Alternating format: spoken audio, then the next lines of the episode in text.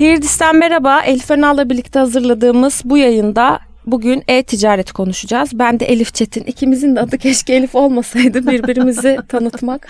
Seslerimizden en azından Burada sana Mustafa Elif esprisi yapayım mı yapmayayım ben? Benim adım Mustafa olabilir bundan sonra. Bence Benim için olabilir. sakıncası yok. Hem de değişik olur. Hiç kimse unutmaz. Sence gelecekte insanların ismi olacak mı? Olacak. Olmak zorunda değil mi? Birbirimizi Olacak. anlamamız Tabii, için. tabii. Şey, tanımamız için pardon. Her şeyin adı var. İnsanın niye olmasın? Ama artık herhalde e, bu şey kaçıncı kaydımız? 10. gibi. Sesten tanıyorlardır herhalde değil mi? Evet. Merhaba ben Elif Çetin. Hirdis'in yeni bölümünü dinliyorsunuz. Partnerim Elif Önal'la birlikte bu yayını sizin için hazırlıyoruz. Ee, bir önceki kayıtta söylediğimiz gibi bugün e-ticaret konuşacağız. Elektronik ticaret, e-commerce. Ee, hayatımıza 95 yılında işte internetin kurulmasından beri, icadından e, itibaren girdiğini düşünüyoruz ama ben şöyle ilk e-ticaret sitesi neymiş diye baktım 72'lere kadar iniyor aslında. Biz şimdi ama oradan başlamayacağız. Öncelikle şey korkutmayayım. Ya, aynen 72'den öyle. alıyormuş. 70'ten bugüne kadar hüh. Ee, elektronik ticaretle ilgili tıpkı bu şeydeki gibi yani dijitalde olduğu gibi böyle bir şey var, karmaşa var. Sen çok güzel bir şey söylemiştin. O benim aklıma çok yer etti. Dijital bir ürün müdür, bir hizmet midir, nedir, nereye konumlandıracağız diye. Elektronik ticaret de alıcının ve satıcının fiziki olmayan bir ortamda buluş, e, buluşarak birbirine bir şey satması. Bunun işte Bir e, alışverişe girmesi. bir, bir alışverişe girmesi. E, sadece tüketicilere değil e, aynı zamanda normal hayatta nasıl B2B, B2C diye ayırıyoruz. Buradaki bir şeyi e, dünyanın iş dünyasının aslında ticaret dünyasının replikası olarak düşünebiliriz. Fiziki olmayan bir ortamda. Burada baktığımız zaman bütün şeyde pazarları globalde vereceğiz. Sen de şimdi birazdan şey yapacaksın, anlatacaksın. E, tahmini şeyleri nasıl oluşturuyorlar, nasıl hazırlıyorlar diye e, bir girişle başlamak istiyorum. Şimdi burada sadece e, o e, hizmeti veren sitenin değil, belirli paydaşların mutlaka katkıda bulunuyor olması lazım. Altyapı sağlayıcısı, ödeme sistemleri, ondan sonra e, bu şeydeki alışverişten satın almadan sonra o alışverişi ulaştıracak. Çünkü sen gidip fiziki olarak satın alıp o an ona sahip olmadığın için bir e, şey süreci var, lojistik süreci var, tedarik süreci var. Dolayısıyla da ziyaret sayısı, bu yapılan ziyaretlerin alışverişe dönme oranı ve tabii ki de sonrasında bunun e, sepet ortalaması e, bir ülkedeki e, elektronik ticaretin e, hacmini veriyor aslında. Burada ikiye ayrıldığını söylemek lazım ekosistemin. Çok kanallı ve sadece online olan. Çok kanallı da fiziken de var olanlar ne bunlar? Mesela işte Koton gibi, ondan sonra Carrefour gibi ya da işte ne bileyim Türk Hava Yolları gibi gerçekten hayatımızda olanların internette e, ürünlerini veya hizmetlerimizi satabilecek halde olmaları. Sadece online olanlarda e, pazar yeri dediğimiz daha çok aslında startup dünyasında, teknoloji dünyasında sıklıkla görmeye başladığımız e, online yasal bahis siteleri bayılıyorum bunlara. Her yerde milyonlarca reklam olarak karşımıza çıkıyor. Biliyorsun onların dünyasında dikey diye bir şey var. Her farklı oluşuma dikey diyorlar. E, ve pazar yeri nedir onlar işte gitti gidiyor. Hepsi burada. N11.com, eBay. hepsi eBay gibi örnekler. E, böyle kanallar ikiye ayrılıyor. E, Türkiye'de de baktığımız zaman son genel bilgiyi vermek için Yıllık %42 büyümüş 2017'den 2018'e. Ben şimdi bunu e, bu rakamları ve bu verileri nereden söylüyorum? Kaynak belirtiyoruz tabii ki. Bugün çok kaynaklı bir gün olacak. E, TÜBİSAT, e, TÜBİSAT ne demek? Bilişim Türkiye Bilişim Sanayicileri Derneği Deloitte'la beraber bir rapor hazırlıyorlar her yıl. E, bütün genelde sunumlarda da güvenilir bir kaynak olarak kullanılıyor bu. E, siz de böyle bir şeye ihtiyacınız varsa, veriye ihtiyacınız varsa bakabilirsiniz. Orada şeyi çok net görüyoruz. %42 büyümüş bugün e, şeyde e, pardon 2018'de e, ticaret Türkiye'de. Daha fazla ben şimdi şeye bo- boğmak istemiyorum, veriye boğmak istemiyorum. Çünkü şu anda ben gerçekten bir e-ticaret sunumu yapıyormuş gibi hissettim. Evet, Ama biz e-ticaret uzmanları değiliz. değiliz. Değiliz. Ee, o yüzden e, şeyi belirtmek lazım aslında. Yani e-ticaretin tips and tricks'leri falan gibi bir konumuz asla yok. Ee, adında da belirtmeye çalıştığımız gibi bölümün. E-ticaret, e-ticaretçi olmayan pazarlama dünyasını nasıl etkiledi? Biraz ondan bahsetmek istiyoruz. Ee, çünkü iş yapma şeklimizde çok dramatik değişikliklere yol açtı online ticaretin oluşması. Tüketici davranışı ve bunların beklentilerine ulaştı, değiştirdi. Tüketici online sitelerden gördüğü bazı hizmet ve farklılıkları hayatının genelinde talep etmeye hale başlar başladı. E, alışveriş ve karar verme süreçlerini değiştirdi. E, işte bu funnel dediğimiz tam Türkçe'ye nasıl çevrildiğini bir türlü öğrenemediğim. İşte satış tüneli. Satış yani tünel değil tabii aslında tunnel değil funnel. Fünel mi desek huni acaba? Huni şeyinden mi bahsediyorsun? evet Huni'den bahsediyorum. Fünel. Biz ona fünel diyelim. tamam. Satış fünelini nasıl değiştirdi? E, bu tüketici ve alışveriş tarafı. Bir de bunun tabii kampanya ve reklam mimarisi var. Bunu nasıl değiştirdi? Bizim reklam yapma, iletişim yapma şeklimizi değiştirdi. Satıcı profili değiştirdi. Bazı kaynaklar alışverişin evrimi diyorlar. Gerçekten bir evolution gerçekleşti. Evet. Ben böyle şeyleri birazcık nereden gelmiş, niye böyle olmuş diye e, merak edip araştıran bir insan olaraktan kendi, canım kendim bunun, bunun şeyine baktım, historisine baktım. E, ilginç bir şekilde hiç tahmin etmediğim bir yerden çıktı işin kaynağı. Aslında online alışveriş başta bir tanım yaptın ya e, fiziksel olmayan bir şey. Bu 1888 yılında başlamış. Şaka yapıyorsun. Aynen hiç şey yapmıyorum. Sears kataloğuyla. Amerika'nın 50'leriyle 60'larıyla 70'leriyle birazcık ilgisi olan ya da o döneme da dair filmler diziler seyreden insanlar mutlaka bu Sears kataloğunun önemini biliyorlardır. Birazcık online ticaretin geçmişine bakalım dedik. Bir şeyin nereden geldiğini bilmek nereye gideceği konusunda ya da nasıl gelişeceği konusunda da fikir verebiliyor insana. E, ya da en azından merakını gideriyor. Bu da önemli bir şey bence. Merak Çok. etmek iyidir. İlginç bir şekilde online ticaret e, 1888 yılında aslında başlıyor. Daha doğrusu fiziksel olmayan ticaret. Online değil geri aldım. Fiziksel olmayan ticaret. Yıl, ee, yıldan eminiz yıldan değil mi? eminiz. 1888. Tüm Amerika ile azıcık ilgisi olan 50'lerini, 60'larını, 70'lerini bilen insanların hepsinin bildiği bir ünlü katalog vardır. Sears kataloğu. Birkaç yüz sayfa çıkar. Ev bile satılır. Böyle bir çılgın katalog. Asıl önemli olan bu kataloğun arkasındaki motivasyon. Bu kataloğun var olma sebebi Sears yöneten şirketin yöneticilerinin öngörülü olarak Amerika'nın kırsalına hı hı.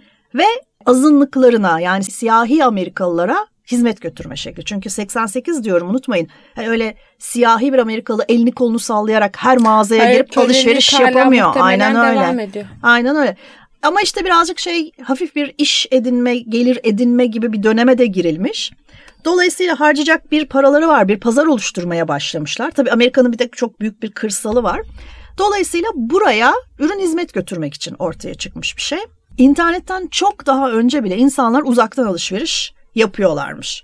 Bu tabii küçük bir parçasıymış alışverişin ama özellikle de endüstri devriminin tap noktasına ulaşmasıyla, en yüksek noktasına ulaşmasıyla ve ürünlerin ucuzlamasıyla beraber bu katalogdan sipariş işi baya baya büyümüş. Bugüne geldiğimizde artık online offline'ın arasında bir çizginin bile kalmadığı, mobilin her şeyin içine girdiği, evde otururken bile mobil internet kullandığın Dolayısıyla mobilin de artık anlamını yitirdiği bir döneme geldiğimizde tabii ki alışverişte de bu hepimizin pazarlamacılar olarak tanımlayıp bir türlü içinden çıkamadığımız bu omni kanal işi var ya. Evet. Çoklu kanal değil de omni kanal işi. Aslında tüketici bunu halletmiş durumda. Şimdi bana mesela ayıp geliyor ama yeni jenerasyon bunu yapmakta hiç şey yapmıyor. Bir dükkana girip ayakkabıyı deneyip beğenip online'dan fiyatını aratmak ve ucuzunu bulup almak mesela. Yani ben onu orada satıcının gözünün içine baka baka yapamam ama bunu, bunun ayıp olduğunu düşünen son nesil benim herhalde.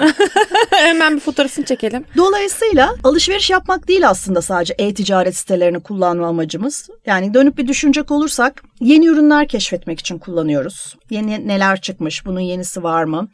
Dolayısıyla işte basın bültenleri, basın davetleri, influencer kampanyaları, dergi ilanları, vitrin bakmak hı hı. bunların hepsi buraya bir zemin kaybediyor. Hı hı. E, fiyatları karşılaştırıyoruz. İşte çarşı pazar gezmesi ortadan kalktı. Online'a giriyoruz. O orada kaç para, bu burada kaç para. Bu alışverişin en önemli üçlüsü denen location, location, location. Ne oldu? Adamın işte ne bileyim Davutpaşa'da bir tane anlamsız, warehouse var. Anlamsız hale geldi. Anlamsız hale geldi. Adam bir depodan iş yürütüyor. Ama her zaman yanımda parmağımın ucunda. Alışveriş listesi yapmak, indirim takip etmek, satış görevlisi gibi kavramlar ortadan kalktı. İndirimi nasıl takip ediyoruz bugün? almak istediğimiz ürünü sepetimize atıyoruz. O sepet zaten ha bize habire bizi dürtüyor. Bak bunda indirim yaptım, bak bunda kampanya yaptım. Hadi gelip alsana. Şuna bakmıştın niye bir daha bakmıyorsun? Bunu Sepetindeki alan ürünler arkandan ağlıyor. Bunu alan bunu da aldı gibi. Ne oldu? İşte indirim kal takip etmek ortadan kalktı. Satış görevlisiyle ilgili ihtiyaç ortadan kaldı. Alışveriş listesi yapmam, bak bunu almam lazım ortadan kalktı. Ve daha önemlisi aldığımız ürünleri değerlendirmek için kullanıyoruz. Beğendiğimiz, beğenmediğimiz, çokça da beğenmediğimiz şeyler için mutlaka ve mutlaka yorum bırakmaya çalışıyoruz. Arkadaş grupları, forum siteleri gibi şeyler de hafif hafif buraya zemin kaybetmeye başladılar.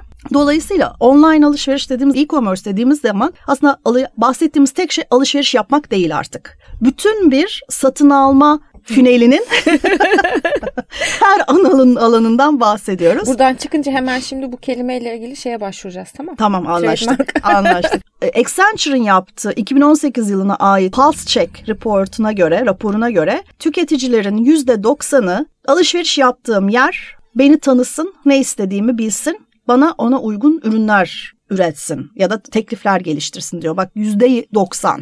Hani 50 değil 60 değil. Dolayısıyla burada verinin önemi de aslında ortaya çıkıyor. Yani topladığım veriyi alışverişi kişiselleştirmek konusunda değerlendirmek ve doğru işlemek en önemli başarı faktörlerinden biri haline geliyor. Hepsinin özelinde aslında en altında şöyle bir şey var. Alışveriş, online alışveriş bir boş vakit geçirme aracı oldu. Sen hiç yapmıyor musun mesela? 5 dakika vaktin var. İşte Instagram'a gireceğine, televizyon seyredeceğine, işte bir arkadaşına telefon edeceğine giriyorsun. İşte şu anda kalben nefret ettiğimiz Trendyol ya da ve benzeri hepsi burada falan gibi benzeri sitelerde kendine sanal hayalet alışveriş yapıyorsun. Şu şurada kaç paraymış, bu burada kaç paraymış. Bayağı sosyal medya hesabı bile denilebilir bu noktada e-ticaret için. Şimdi bu böyle arada yapmak ayrı ama bugün Loud News'te de verdik. Amerika'da drunk shopping diye bir şey var. Sarhoşken yapılan Alışveriş. alışverişler. 45 milyar dolarlık mı 48 milyar dolarlık mı ne bir pazar.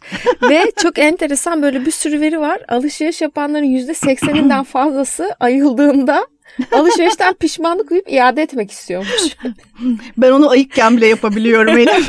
Sarhoş olmama gerek yok. Allah'ım ben bunu niye aldım? Şimdi mesela bu söylediğin şeyler o kadar önemli ki biz olayları biraz daha neden sonuç olarak i- Evet. e, irdeliyoruz ve kavramsal olarak bakıyoruz ya. Şimdi kimin aklına gelirdi elektronik ticaretin ilk şeyini konuşurken böyle bir zemin sağlamak? Yani çok güzel bir ayrım yaptık. Dedik ki fiziki olmayan dedik. O fiziki olmadığı için aslında illa dijital olmasına gerek yok.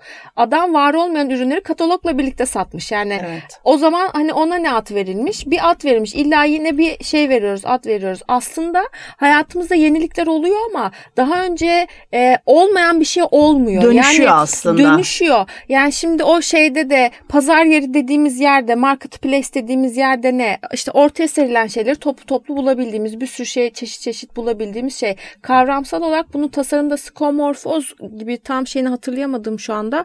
Bir şey de var. E, tasarımda taklit etmek. Hmm. Nesneleri taklit etmek. Mesela işte alışveriş sepetin marketteki sepetle aynı. Aynı, evet. Görsel olarak, Evet. algısal olarak Evet. çünkü seni o dünyaya yakın hissettirmesi lazım. Sen şimdi hiç bilmediğin uzay boşluğunda bir şeye girip nereye tıklayacaksın, ne yapacaksın, ne edeceksin. Bu tabii şey değil, alışık gelmesi için. Mesela Çok İşte- ilginç bir şey söyledin. Çoğu yerdeki telefon ikonunun artık hiçbir evde olmayan üstten kapatmalı telefon olması çok enteresan değil mi? E, Çünkü hani bir şeyindeki zihnindeki telefon imajı o, imgesi o. İmgesel olarak tasarım biliyorsun e, öyle şey yapıyor, görselleşiyor. E, mesela sen de şey okuyorsun, e-book okuyorsun. E, Apple'ın şeyinde iBook'unda benim ilk şeyine baktım onun. E, kitaplar bir kütüphane rafında duruyor. Hmm. Evet, Kitaplık gibi. kitaplık yani gibi, aynen öyle. kitaplığından bir kitap al diyor Ya da işte mesela benim kullandığım şeylerden birinde e, oku e-reader'lardan birinde e, şeyde simgesinde kitabın arasından sarkan ayraç var Hah, gibi. mesela Şimdi yani. ayraç en son ne zaman ayraç gördüm çok emin değilim. Benim ayraç koleksiyonum vardı tabii ama 10 yıllar önce bıraktım. Peki. Evet, e, dediğimiz gibi yani hiçbir şey aslında sadece kendinden ibaret değil. Değil. E, mutlaka gelişirken, değişirken, dönüşürken etrafındaki bir sürü şeyi değiştiriyor aynı şekilde. E, bu anlamda satıcı profili de çok değişmiş. Yani e, şeyi düşün. İlk e, online alışveriş sitelerini düşün. Sadece gerçekten bir tek amaca hizmet eden ürünü buldum, aldım, sepete attım, ödedim, çıktım.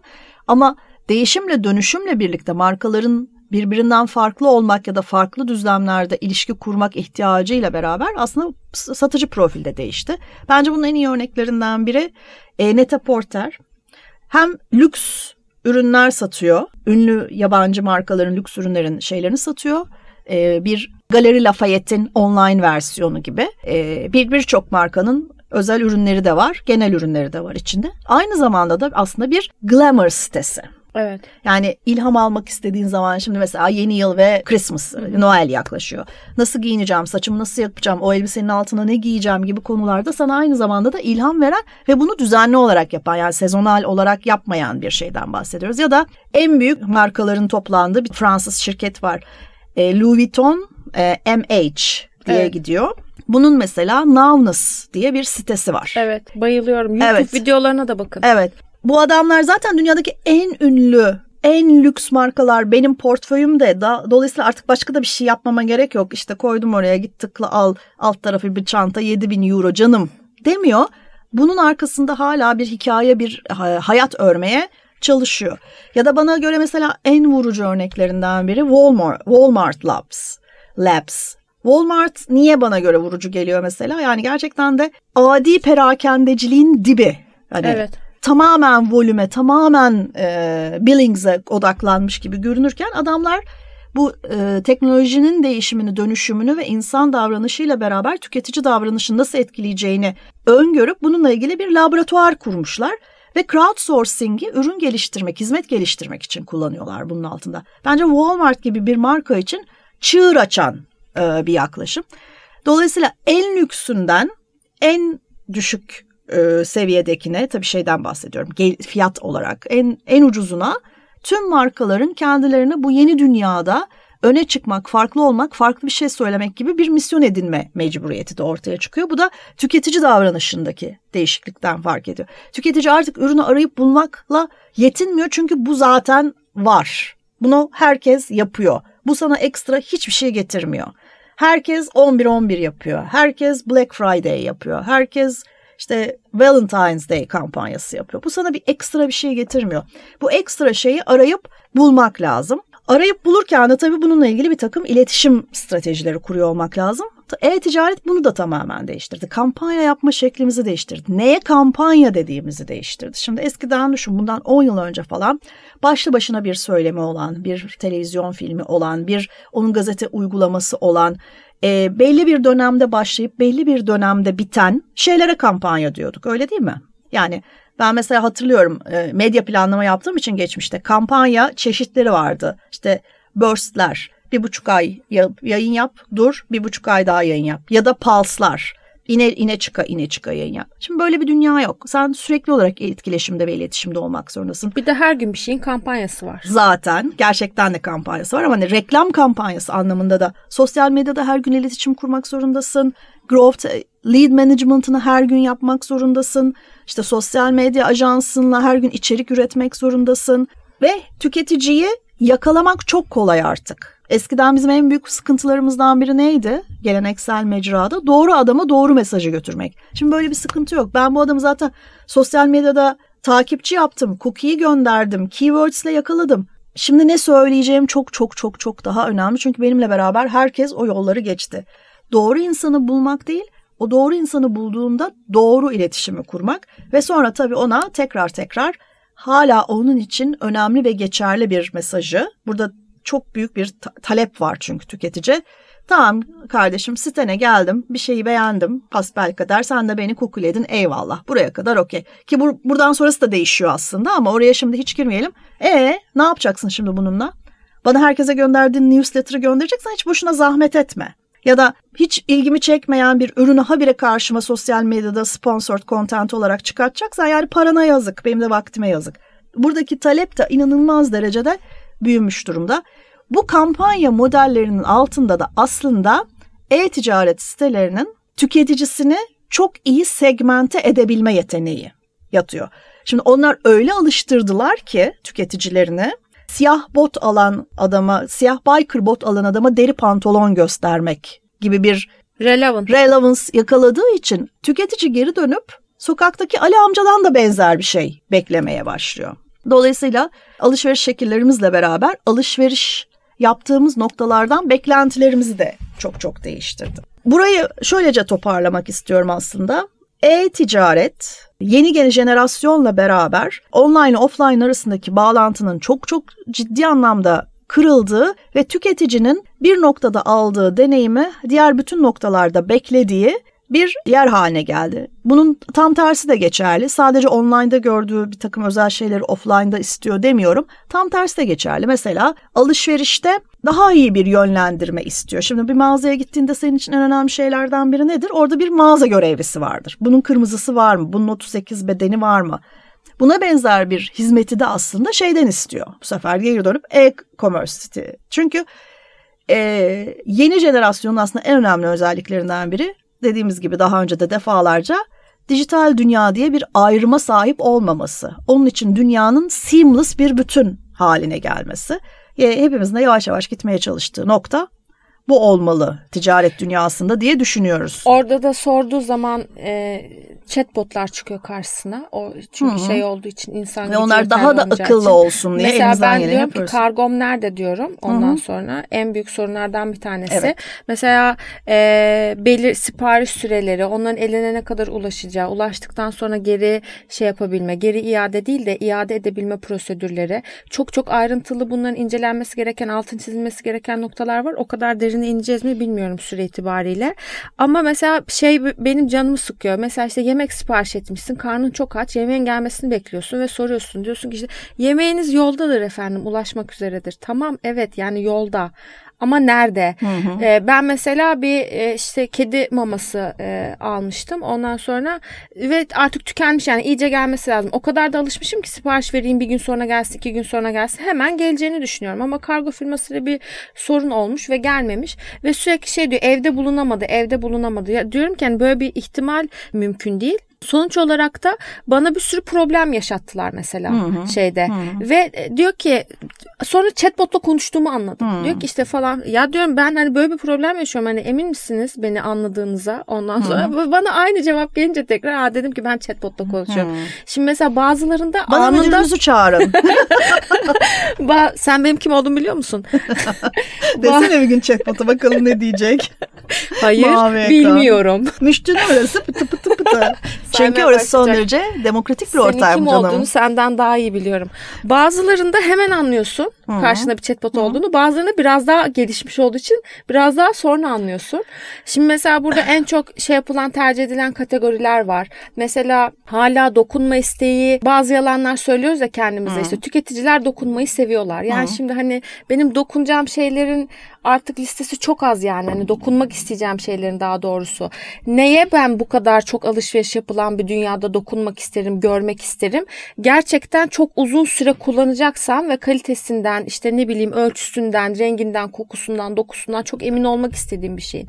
Bu noktada da mesela e, şeye baktığımızda en çok satılan kategorilere baktığımızda pet ürünleri, hayvan ürünleri, evcil hayvan ürünleri ya daha risksiz olan, daha ne olduğundan emin olduğun, işte ambalajlı ve şey biliyorsun içinden ne çıkacak. Ondan sonra bunları şey yapıyorsun satın alıyorsun. En çok alınan şeyler bunlar. Ama, Ama... elektronikte mesela e, rakamlar o kadar yüksek değil. Çünkü buzdolabı alacağı zaman içine açıp bir derinliğine bakmak istiyorsun. Fotoğraftan onu tam anlamıyorsun. Ben mesela çamaşır makinamızı internetten aldım. Çünkü öyle bir şeyim yoktu. Vaktim yoktu sürekli gezecek. Burada mesela convenient olması çok önemli. Hız Hı. olması, zaman kullanımı. Hı. Her an bakabilirim. Şimdi ben gece 12'de açık mağaza nereden bulayım şeyi gezebileceğim. Ama giriyorum internette bakıyorum Hı. çamaşır makinesi. Ve az önce söylediğim kullanıcı yorumu o kadar önemli bir şey evet. ki. İşte eskiden bu olmadığında ne yapıyordun? Ayşe'ye soruyordun, komşuna soruyordun. İşte ailenden ya sen ne aldın soruyordun. diyorsun. Ha, iş arkadaşı arkadaşına soruyordun. Aynen. Şimdi yorumları okuyorsun. Orada da şöyle bir problem var. Bazıları çok sevebiliyor, bazıları çok sevmeyebiliyor. Ben mesela bütün istediğim kriterleri listeledim. Ne istiyorum? İşte sessiz olmasını istiyorum. Çamaşır makinesinin o spin yaptığında Hı-hı. deli gibi ses çıkarmasın.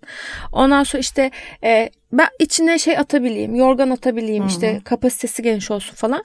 Bütün kriterlerime en uygun olanını e, seçtim ve fiyat tabii şey burada bariyer. İki gün sonra teslim edildi.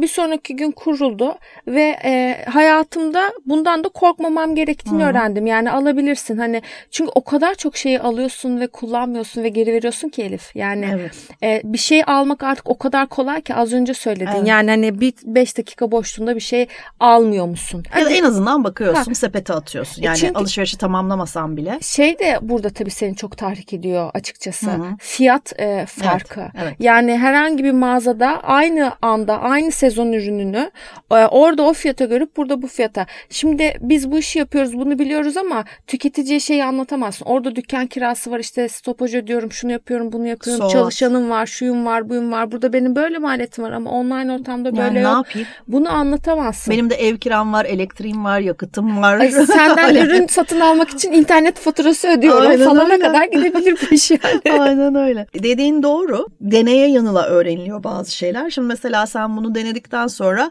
belki de ev eşyası almak konusunda birazcık daha cesur olacaksın.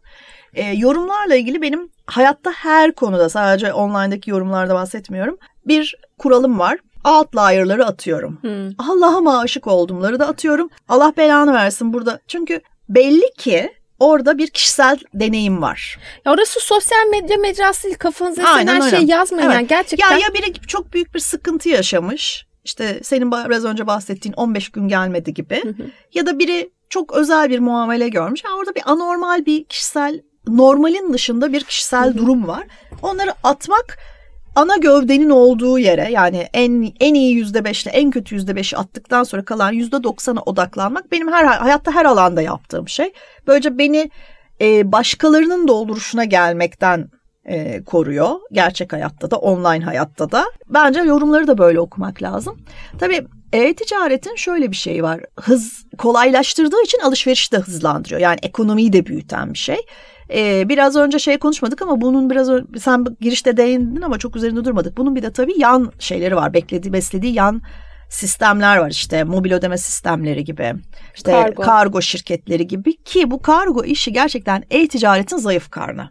Ama en önemli kanadı. Aynen öyle. Bugüne kadar e, şeyi düşün. Tamam aldığı ürünü beğenmemiş olabilir. Renk fotoğrafta başka çıkmış olabilir falan ama gerçek e, olumsuz deneyimlerin çok büyük bir kısmı kargo deneyi. Teslimattan kaynaklanıyor. Yani mobil ödemede benden iki kere çektiler. İşte üç dediler beş çektiler falan gibi bir şey. Ben hiç ömrümde duymadım. Yani orada en ufak bir sıkıntı yok. Ama iş teslimata geldiğinde e, kargo fir firmalarına kendini teslim etmek zorunda kalıyorsun ki bu ki e, Amazon gibi bir firma bu işe dünyanın parasını ayırıyor bu tür şeylerin önlemini almak için. Hepsi burada kendi kargo firmasını e, kurmuş. Evet. Ki çok Amazon e, olması öyle. gereken. Ki mesela bu sene bu yıl e, Amazon'un gelirleri beklenenden düşük, düşük çıkacakmış çünkü aynı gün teslimat için çok para harcıyormuş. Evet. Mesela o kadar etkileyecek kadar bir şey. Ama sana soruyor aynı gün teslim almak istiyorsan ekstra onun bedelini ödüyorsun. Ama o kendisi aynı gün teslimatı mükemmelle, mükemmelleştirmek için çok ekstra para harcıyor harcıyor. Bir Harcasın yatırım yapıyor canım, yani. Hiç vergi ödemiyor yani. e, birazcık da para harcasınlar yani. o kadar kazanıyor. Adam dünyanın en zengin adamı. Tam bu noktada bence. Kargo mu? Verin onlara. tamam. Düşünsene şeyi Jeff Bezos'u toplantı odasında. Aynen öyle. Şey Parası neyse veririz. Bizim Türkler gibi yaklaştığını. Evet. neydi? İtibarda tasarruf, tasarruf olmaz. olmaz. olmaz. İtibarda tasarruf olmaz. Evet. Ama itibar nedense sadece fiziksel şeylerden oluşuyor. E, evet. Maldan, mülkten, e, altın varaktan oluşuyor. Neyse. Oralara girmeyelim. Oralara girmeyelim. Şimdi tabii e-ticaretten bu kadar konuşunca e-ticaretin iki tane ağ babası var dünyada. Onlardan bahsetmemek de olmaz. Amazon versus AliExpress. Bunların arasındaki benzerlikler ve farklar bence e-ticaretteki yeni ufuklarla ilgili de bir takım şeyler veriyor, sinyaller veriyor. Şimdi Amazon 1995 yılında bugün ben şey gibiyim. İlber Ortaylı gibiyim. 95 yılında bir kitap satıcısı olarak kurulmuş. Evet değil mi? Meg Ryan'la Tom Hanks'in filminde. Her bölümde bir film tut ama aklında tamam, tamam mı böyle? Tamam anlaştık. ee, en büyük zararı da zaten küçük kitap çılar görmüş sokaklardaki. Çünkü çok daha ucuza alıp çok daha şey yapmak. Sonra buradan sonra yavaş yavaş yavaş yavaş yeni e, kategoriler Hı. ekleyerek önce genellikle genel olarak entertainment ile ilgili işte kitaptan sonra DVD, DVD'den sonra e, işte müzik aslında o kontekste yoluna, yoluna çıkan neyse neyse sonrasında da yani küçük küçük küçük başlayıp sonra bir buldozer gibi önüne çıkıp her şeyi söküp götürerek bugün itibariyle Amazon Amerika'da e-ticaretin yarısı toplam ticaretinde yüzde beşini oluşturuyor. Şimdi Amerika gibi bir ülke için yüzde beş tabii ki korkunç bir şey. Ama bu arada da e, büyümesinin arkasında da çok ciddi şeyler var. E, satın almalar da var. Yani mesela Zappos'u satın alıyor. Mesela e, Goodreads'i satın alıyor. Şimdi mesela benim gibi kitap okumayı seven bir insan için e, Amazon e, şeyleri, yorumları ne yazık ki çok muteber değil. Ben nereye gidip bakıyorum? Goodreads'e bakıyorum. Aa bir dakika ya kimse benim yorumları okumuyor artık. Goodreads'i okuyor. Al kardeşim Goodreads'i. Mesela bundan sonra kendi forum sitelerini kapattı Amazon. Ki benim çok ta- yakından takip ettiğim bir yerde. Whole Foods'u. Bu şekilde alarak gidiyor. Hala Walmart'ın gerisinde. Walmart tabii fiziksel olarak çok yaygın ve çok bulunur bir büyük dev. Ama bu yaklaşım da aslına bakarsan nereye doğru gitmek istediğini çok net olarak gösteriyor. O da fiziki bir mağaza açtı. 2017 ya da 2018 yılında olması lazım. Dur geleceğim ona. Ee, Yılları ben vereceğim tamam. tamam. Yıllar bende. O iş bende. Ve Amazon'un kitapçıdan genel bir satıcıya evrilmesi, bir marketplace'e evrilmesinin sonucunda aslında ekonomi ve fiziksel şey dünya, alışveriş dünyası bir daha geri dönülmez bir şekilde gelişti. Çünkü o zamana kadar bir takım girişimler olsa bile bu işin nereye kadar gidebileceğini, ne kadar büyüyebileceğini gösteren ve bu kanıtlayan bir ilk e, şey belki de e, Amazon. Şimdi bir de şeyi de çok değiştirdi tabii. Ee, diğer bütün satıcılar için de dünyayı çok değiştiriyor. Çünkü eskiden fiyat artış dediğin şey enflasyonla ya da sezonla beraber gerçekleşen bir şeydi. Biraz enflasyon çıktı mı, maliyetler arttı mı fiyat artardı. Bir bazı ürünlerin sezonsal olarak talebi yükseldi mi bundan faydalanmak için fiyat artardı. Şimdi fiyat günde kaç kere değişiyor bilen yok. Ya mutlaka sizin de başınıza gelmiştir. Bir mesela uçak bileti almak istediğinizde aynı destinasyonla ilgili bir, normalden biraz fazla bir ilgi gösterirseniz bir anda bilet fiyatları yükselmeye başlıyor. Aynı yani mesela İstanbul Bodrum'a Londra, 900 liraya uçabiliyorsun mesela. Ya da İstanbul Londra uçak bileti fiyatı ne diye bir sorunun cevabı yok. O anda sen ne bulduysan o.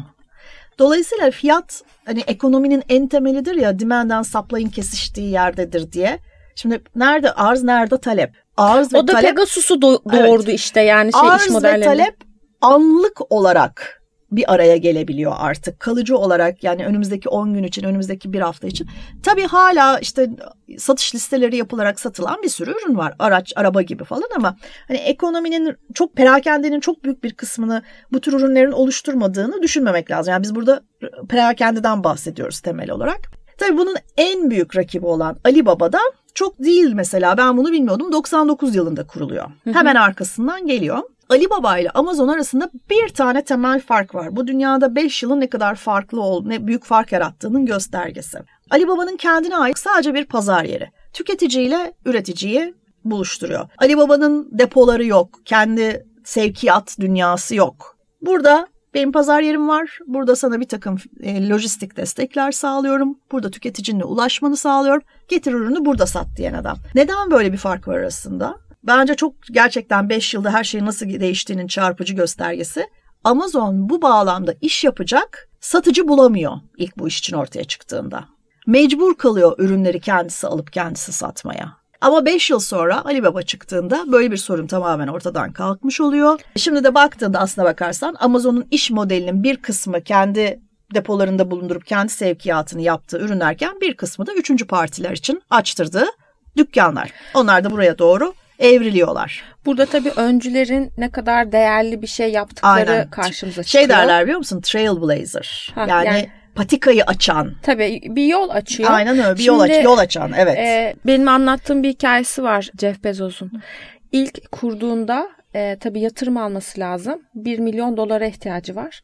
Onu bulabilmek için Elif 60 kişiyle toplantı yapıyor. 60 tane yatırımcıyla anlatıyor işte benim böyle bir iş modelim var. Ben şunu yapacağım, ben bunu yapacağım. Evet tamam ama diyorlar pardon bir soru soracağız. Yani internet de nedir? Ada, yani hepsi ve dalga geçmişler adamla yani. Şimdi sonuçta bugün geldiğimiz noktada artık internette nedir diye soranlar herhalde artık ne olduğunu çok iyi biliyorlardır. Hmm.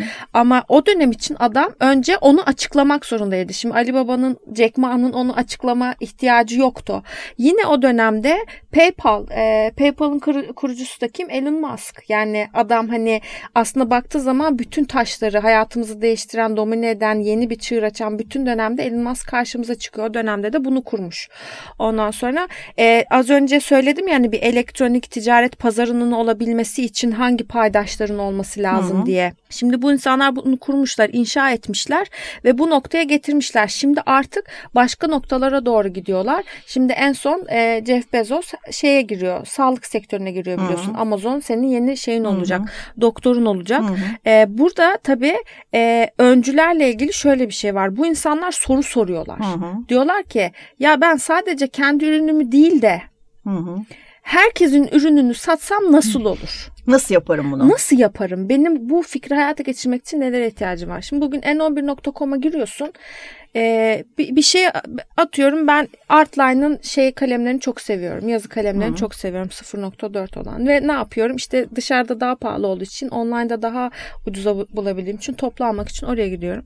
Şimdi mavisini, kırmızısını, siyahını alacağım. Hiçbirini aynı üreticiden alamıyorum. Hı-hı. Yani aynı kalem alıyorum, aynı siteden alıyorum. Aynı fiyata alıyorum. Aynı fiyata alıyorum ama farklı mağazalardan aldığım için kargoları da bana farklı günlerde evet. geliyor.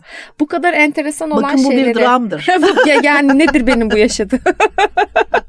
E-ticaret dramdır. Burada bir şey söyleyeceğim sana. Bu söylediğin damardan Bill Gates'in 80'lerin sonu 90'ların sonu bilemiyorum yıllar çok karışıyor aklımda. Hayır ama şu anda sen evet. yıllarla sorumlusun. Aynen öyle ya çok kötü fail ettim. Çok kötü böyle başarısızlık yaşıyorum şu anda. Bill Gates'in David Letterman'la yaptığı bir röportaj var. YouTube'da var. İkisine de bayılıyorum. Evet buna 100 bin kere bayılacaksın çünkü Bill Gates David Letterman'a şu anda yaşadığımız dünyayı, e-mail'i, mesajlaşma dünyasını anlatmaya çalışıyor ve David Letterman karnını tuta tuta gülüyor. gülüyor. Yani böyle ha ha ha very funny, you are very funny, Mr. Gates gülmüyor bayağı karnını tutarak gülüyor. Gerçekten bence seyredin. Ee, zaman gerçekten çok fazla şeyi çok ciddi oranda değiştiriyor. Bu arada bir şey söyleyeceğim. Hani geçen bölümlerde demiştim ya Elon Musk'a yüklenmeyin bu kadar Hı-hı. diye. Şimdi de arada Bill Gates'in hakkını biraz daha verin diyorum. Hı-hı. Çünkü e, ben evet Apple kullanıyorum. E, çok seviyorum. Ondan sonra işte her neyse yarattığı marka değeri yaptığı şeyler.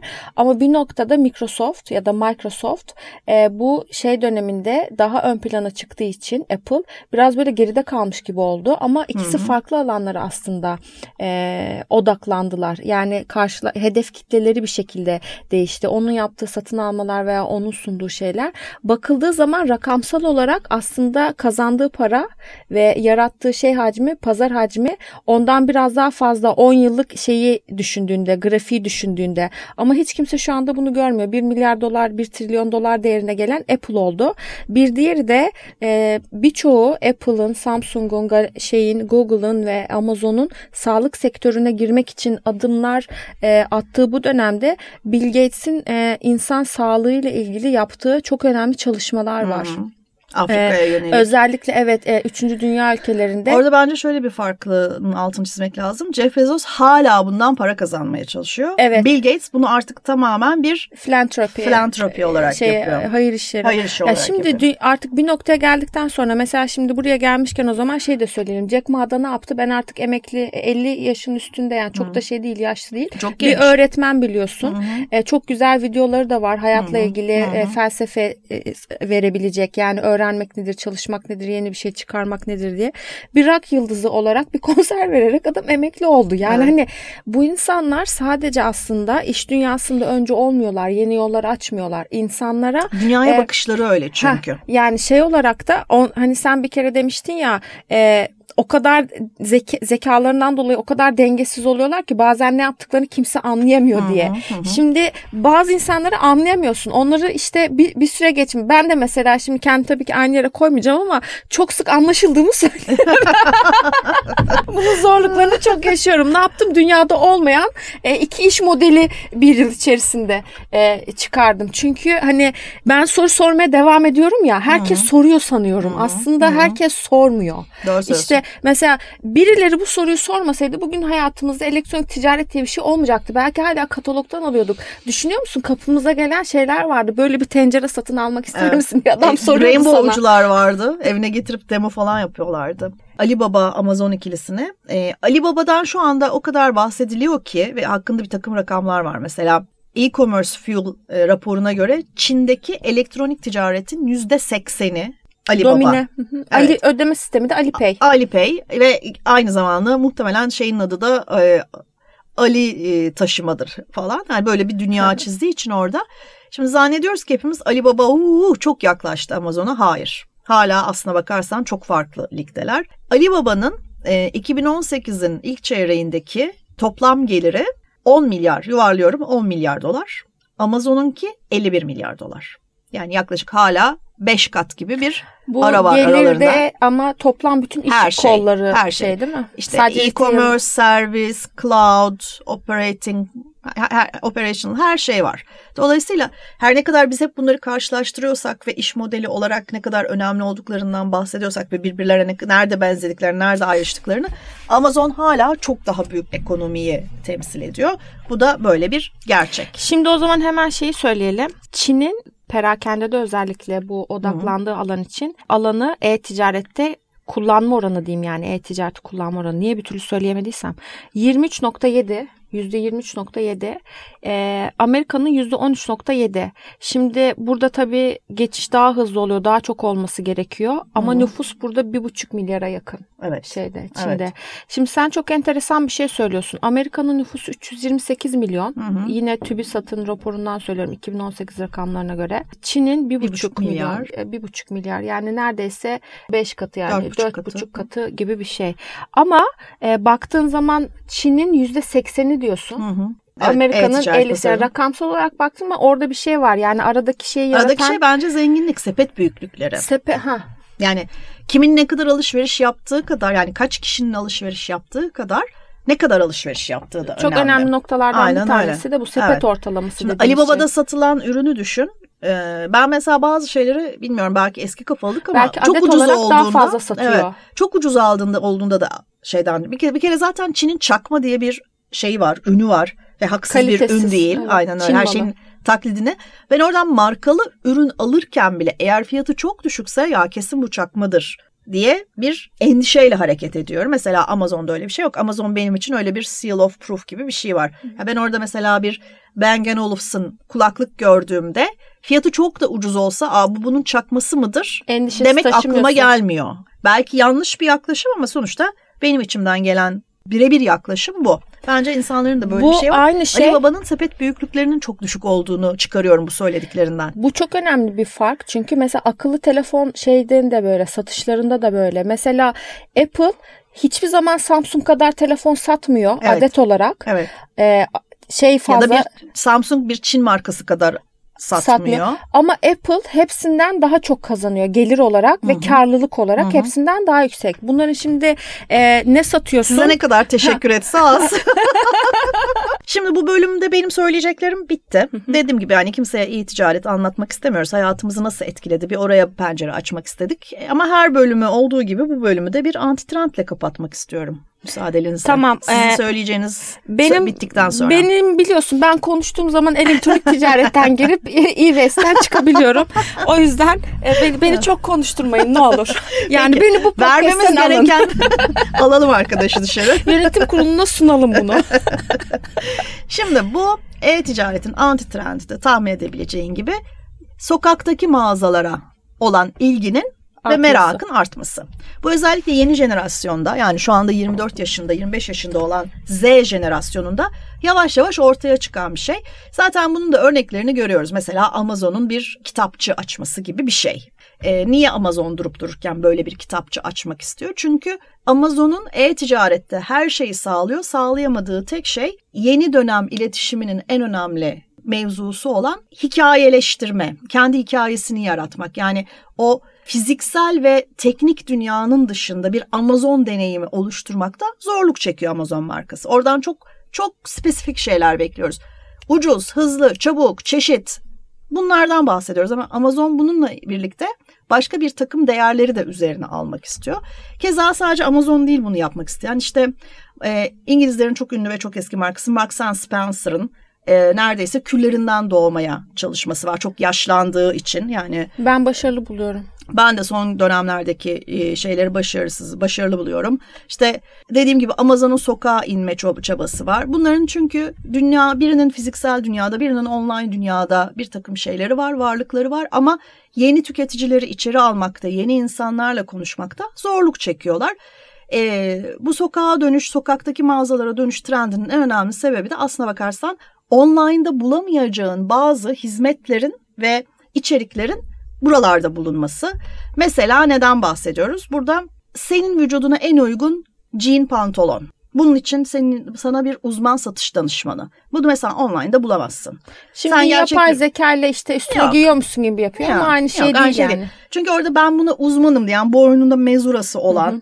Bir kadın ya da bir Taylor adam. Made ya da işte. Aynen gelecek diyecek ki işte senin şöyle o yüzden ceplerinin şuradan yukarıda olması lazım. İşte senin orta... O spesifik detayları bilecek. Aynen. Üzerine gerçekten dikilmiş gibi bir zamanlar Levi's yaptı bunu. Evet. Belki biliyorsundur. Curve ID diye bir ürün çıkarttı. Şimdi bunun mesela jean iyi bir örnek. Çünkü iyi jean insanı çok farklı gösterebiliyor. Bu böyle. Mesela bunun bir benzeri de sütyen. Yani iyi sütyen insanı hem rahatlatan hem de daha iyi hissettiren bir şey. Ama e, yapılan bir araştırma şimdi ne olduğunu hatırlayamayacağım, kaynak veremeyeceğim çok özür diliyorum ama kadınların çok büyük bir kısmının yanlış sütyen kullandığını evet. söylüyor. Yani sırt genişliği olarak, cup size olarak ya da şekli şekil olarak doğru sütyen seçemediğini söylüyor. Mesela bu konuda bir uzmanlık. Marks Spencer bunu yapıyor örneğin. Ya da Sephora gibi bir dükkana gittiğinde senin cildine en uygun fondötenin seçilmesi. Şimdi fondöteni numaradan seçemezsin ki tester'ı lazım. Ya ama şimdi gibi. bunların da çok tehlikeleri var. Cildine en uygun fondöteni seçmeye gidiyorsun. Gözene kapatıcıya kadar iniyor o alışveriş. 5000 liraya çıkıyorsun O da o da senin challenge'ın. ya da mesela Lululemon diye Lemon, bunu da bir türlü söyleyemem. Lululemon diye bir tane marka var mutlaka biliyorsunuzdur. Şey yapıyor.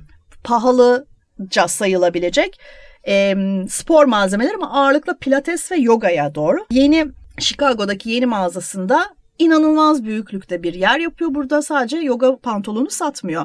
Ciddi ciddi sağlıklı yiyecek, sağlıklı içecek, dersler, ücretsiz katılacak dersler, meditasyon odası falan gibi. O alandaki ihtiyaçlar neyse Aynen onların öyle. hepsini bir arada bulunduruyor. Ee, mesela Amazon'un sokaktaki sitesi şöyle bir şey konumlama yapmış kendi. Sadece 4 yıldız ve daha üstünde kitapları satıyor. Not almış kitapları satıyor ve de online price'ı online'daki ücretlerden satmayı da vaat ediyor Prime üyelerine. Şeyma Subaşı'nın kitabı Amazon'da satılıyor mu? Bilmem. Hiç fikrim yok.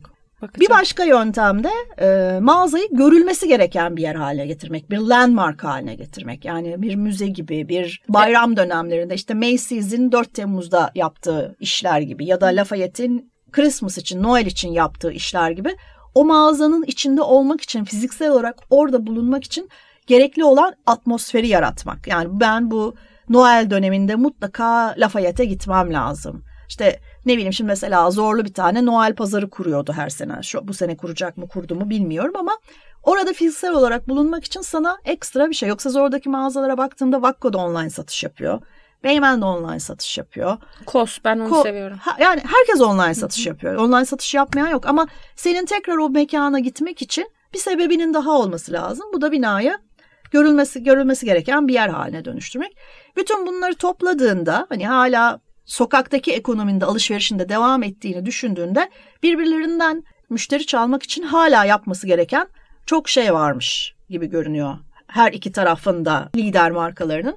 Ama geldiğimiz noktada online alışverişin tüketiciye, tüketici beklentilerini ve tüketicinin alışveriş yapma şekliyle beraber bizim de hizmet ürün sunma şeklimizi ve bunu tanıtma şeklimizi çok değiştirdiği bir gerçek diyerek bugünü bitiriyor muyuz? Var mı bir son sözünüz? Ee, güzel anlattım. Böyle seni dinlerken şey yaptım. Aklımda yine bir sürü şey var ama tabii ki oralara girmeyeceğim.